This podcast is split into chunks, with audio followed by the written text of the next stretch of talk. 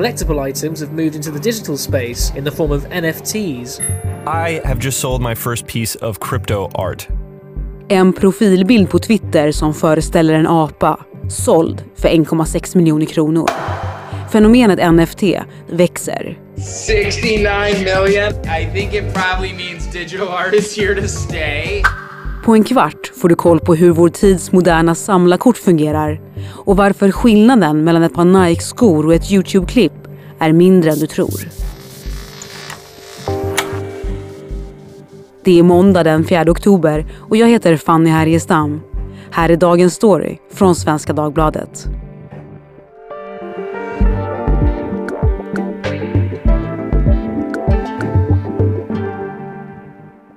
Björn Jeffrey, du skriver om techfrågor här på Svenska Dagbladet.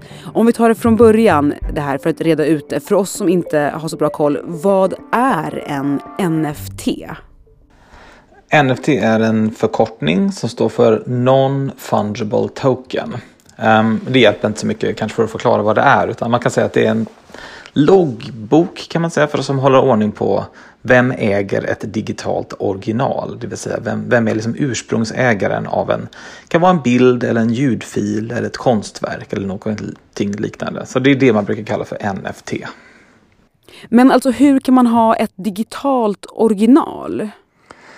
Ja, det är en bra fråga och det, det kan man ju egentligen inte ha. För om jag har en bild och jag skickar en bild till dig, då har vi samma bild. Så det finns inget sätt att egentligen se vem som har, hade den första bilden så att säga. Men vad den här NFT-tekniken gör är att den, ja, men den reglerar liksom vem som hade den första, vem som skapade bilden från början. Och där, för att fatta det bättre så kanske man kan titta lite på konstvärlden. Um, tittar man på liksom en men ta en målning från eh, eh Mark Rothko till exempel. Om du skulle köpa ett Mark Rothko original som hänger på museum så kanske det skulle kosta 50 miljoner dollar ungefär. Skulle du sedan köpa en, liksom en litografi som är ett slags tryck, liksom en tryckversion av samma eh, samma målning, alltså, men en tryckt version av det så kanske det kostar 50 000 dollar. Men då kanske de ska ha signerat den. Sen kan du också gå till museumaffären och köpa en affisch liksom, som, som har samma motiv och då kanske den kostar 100 kronor. Um, så att alla de här tre har ju samma motiv egentligen. Men känslan är så här, man vill ändå ha det som är original. Man vill vara den som, som har liksom den riktiga versionen. Och det är det som den här tekniken försöker göra. Försöker liksom, ska man säga, sätta ner foten och säga att av alla kopior som finns runt omkring på internet så är det jag som äger originalet. Och det är det som folk kan tänka sig betala för. Med kryptovalutan bitcoins framväxt från 2009 kom den teknik som också ligger bakom NFT-er. It's called the blockchain. Blockchain. Den kallas blockkedja och kan jämföras med en loggbok som användare är uppkopplade mot. När ny information läggs till i kedjan, till exempel när en viss NFT byter ägare, så uppdateras listan hos alla i nätverket och den nya informationen verifieras. Det går heller inte att radera händelser, bara lägga till nya. Det här gör det betydligt svårare att förfalska eller förstöra information. Du Björn, har du själv någon NFT? Jag har skapat ganska många NFT faktiskt bara för att lära mig om hur man gör. Liksom. Så jag har tagit lite fotografi och sen så har jag liksom skapat NFT av dem som man sen då kan som någon skulle kunna köpa av mig om de skulle vilja det. Och då, då är det jag som säger, eftersom jag skapade dem så är det jag som säger jag äger originalet och nu kan du köpa det av mig. Har du fått något bud? Det har varit dåligt med bud än så länge. Men jag tänker att det här är, vi, vi är tidigt, tidigt på den här marknaden. Men du, ehm, jag tog upp de här aporna på Twitter i början.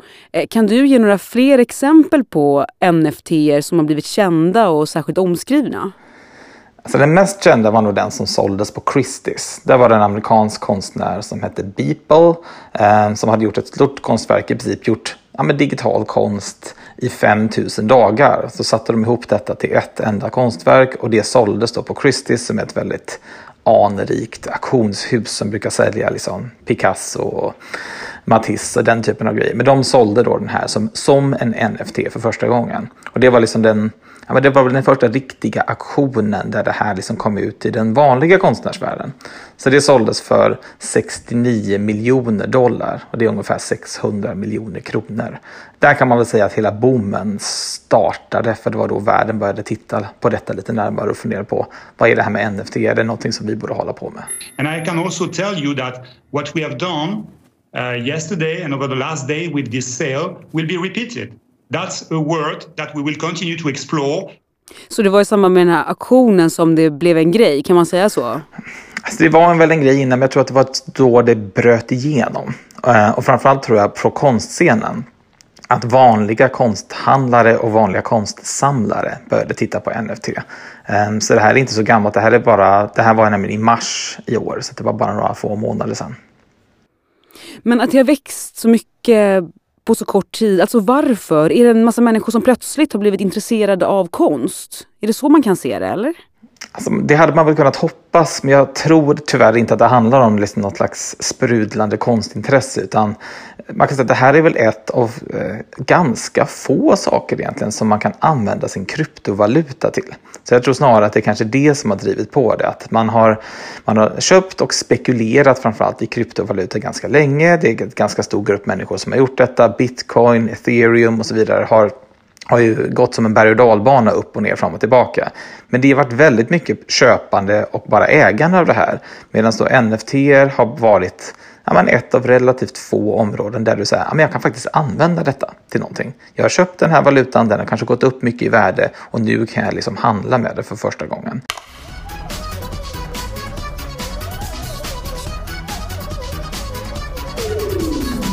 Men okej, för att förstå det här med valutorna, alltså så man kan både handla med kryptovalutor och andra valutor, eller?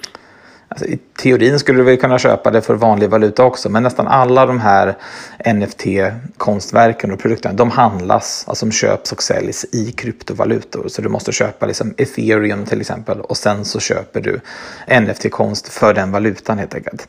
Men likväl som man kan spekulera i valuta och det kan man göra när man köper liksom dollar eller, eller euro och tänker att den kommer gå upp och ner så kan man ju köpa ethereum och tänka att det kommer gå upp och ner. Men det är samma sak här egentligen. När man, så du kan både spekulera i valutan men du kan också spekulera i själva konsten. Att du tänker att ah, men om jag köper den här konsten tidigt så kommer säkert fler bli intresserade av den och då kommer den vara mer värd. Så att alltså snarare kanske man ska tänka på att folk ser det här som en investering och kanske en spekulation mer än att man tycker att de har fått ett otroligt konstintresse som har kommit från ingenstans. Det här är kryptomänniskor som tycker att det här är lite kul eh, och som har hittat ett nytt, ett nytt ställe som man kan liksom använda sin nya, ny, nyfunna och lite nyrika valuta i helt enkelt. I say this uh, in a humbling way. Why would someone want to purchase my NFT? I mean, what is the value? Just explain it to me. Well, think of NFTs again as memorabilia. Du har ju sagt till mig att spel har en särskild plats kan man säga det här med NFT. Hur då? Ja, men det, det börjar komma en ny slags spel då du kan, du kan köpa eh, digitala produkter inne i ett spel. Du kan också handla med den. Tidigare så har ju väldigt många spel varit så att du köper liksom ett extra liv i Candy Crush eller någonting liknande. Det har bara med Candy Crush att göra, så att allting som du gör finns bara inom det enskilda spelet. Det kanske är svårt att sälja det. Om jag hade köpt liksom ja, precis tio extra liv i Candy Crush så kan inte jag sälja det till dig. Utan det funkar inte så, utan det är någonting som jag köper för mig själv. Men när NFT börjar komma in i spel så börjar, man, så börjar det bli som en handelsvara också. Så då kan du liksom, om det är ett spel som du lägger ner mycket tid på, kan du köpa produkter som gör att du blir kanske bättre i det här spelet. Men om du tröttnar på det så skulle du sen kunna sälja det till en annan spelare. Och det gör ju att även detta blir lite mer av en investering och kanske inte bara pengar i, i sjön så att säga. Och för den som skulle vilja ge sig in i det här, finns det fallgropar? Jag tänker så här fake-konst precis som i den traditionella konstvärlden. Ja, det finns det. Det är, det är ganska, det är, dels är det ganska tekniskt komplicerat. Men sen är det också så här frågan om vem har ett original. Det är ju det NFT-tekniken reglerar. Men det är klart att även det som man kan se är ett original kan ju så att säga vara falskt. Det finns exempel på någon som har då skapat en NFT på en av de här aporna som du refererade till tidigare. Sen har de tagit ett av sina egna konton och gjort ett jättedyrt köp av den, det vill säga att de har köpt sin egen produkt. Och då ser det ut som så här, oj, den här var jättedyr, den kanske kostade 10 000 dollar, fast det var samma person som köpte den av sig själv. Och då kommer någon annan person och tänker, okej, okay, men om någon har köpt den för 10 000 dollar, då måste den ju vara äkta. Då kan jag köpa den för 11 000 dollar. Och, så, och det är sånt som händer. Liksom. Så att det finns rätt mycket liksom, lurendrejeri även i detta tyvärr. Och vi har alltid undrat om det är en äkta eller om det är en Nej, kopia. Det, det, här är en målning som inte Albin Amelin har gjort. Nej. En NFT kan ha olika form. Utöver digitala bilder kan det vara en tweet, en låt eller ett klipp. Nyligen auktionerades en bit internethistoria ut som NFT, nämligen Youtube-klippet Charlie bit my finger från 2007 där ettårige Charlie biter storebror Harry i fingret.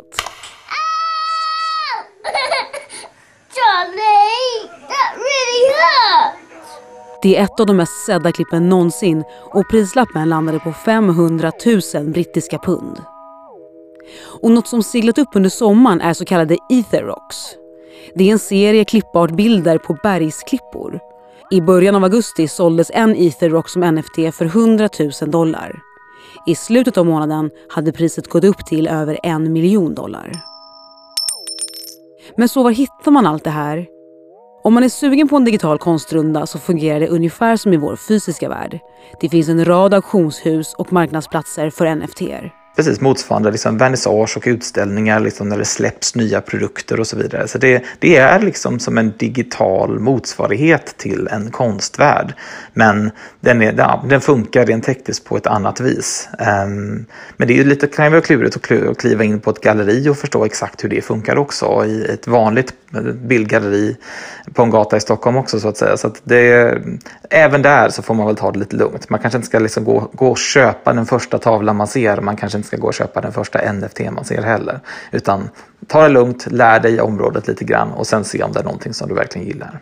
Så hur ska man göra då om man är nybörjare och vill, vill komma igång? Man ska försöka lära sig hur det funkar och jag tror också man ska köpa konst då, som man tycker betyder någonting för en själv. Precis som man gör med tavlor på väggen. Jag tror kanske att den bästa hållningen kring detta är jag köper någonting som jag tycker är viktigt för mig själv och om detta råkar bli en bra investering så vore det fantastiskt. Men jag kanske inte ska tänka primärt att det är en investering innan man har jättebra koll på hur det här går till. För precis som i konstvärlden i stort så går ju det trender i detta. Saker och ting kommer, saker och ting går. Det som är jättehett idag är kanske inte så hett imorgon. Eh, och det är ganska mycket pengar. Så man, kan, man kan göra sig av med rätt mycket pengar och förlora rätt mycket pengar ganska fort om man inte vet, riktigt vet vad man håller på med. Och jag tänkte faktiskt fråga dig Björn, just om det där med alltså liknelsen vid konstvärlden där vi just har liksom museer, utställningar, vernissager. Är det här någonting som du tror vi kommer se utvecklas runt det här med NFT? Liksom att det blir museer som är, blir mer liksom mainstream, eh, dit man kan gå? Men man har börjat se att några museer har gjort några NFT-köp. Liksom, att det, det görs, ja, men det görs liksom, börjar göras digital konst som museer och liksom mer traditionella kuratorer tycker är ja, men viktig. Att det här blir en del av konsthistorien. Det tycker jag ändå är ett tecken på att vi börjar röra oss in i en lite mer mogen fas. Um, så det, det, ja, det är lovande tycker jag och, och spännande faktiskt. Tack Björn Jeffrey för att du var med i Dagens Story. Tack själv. Vi som gjorde programmet idag är producent Daniel Persson Mora, redaktör Teresa Stanler från Matern. Och jag heter Fanny Härgestam.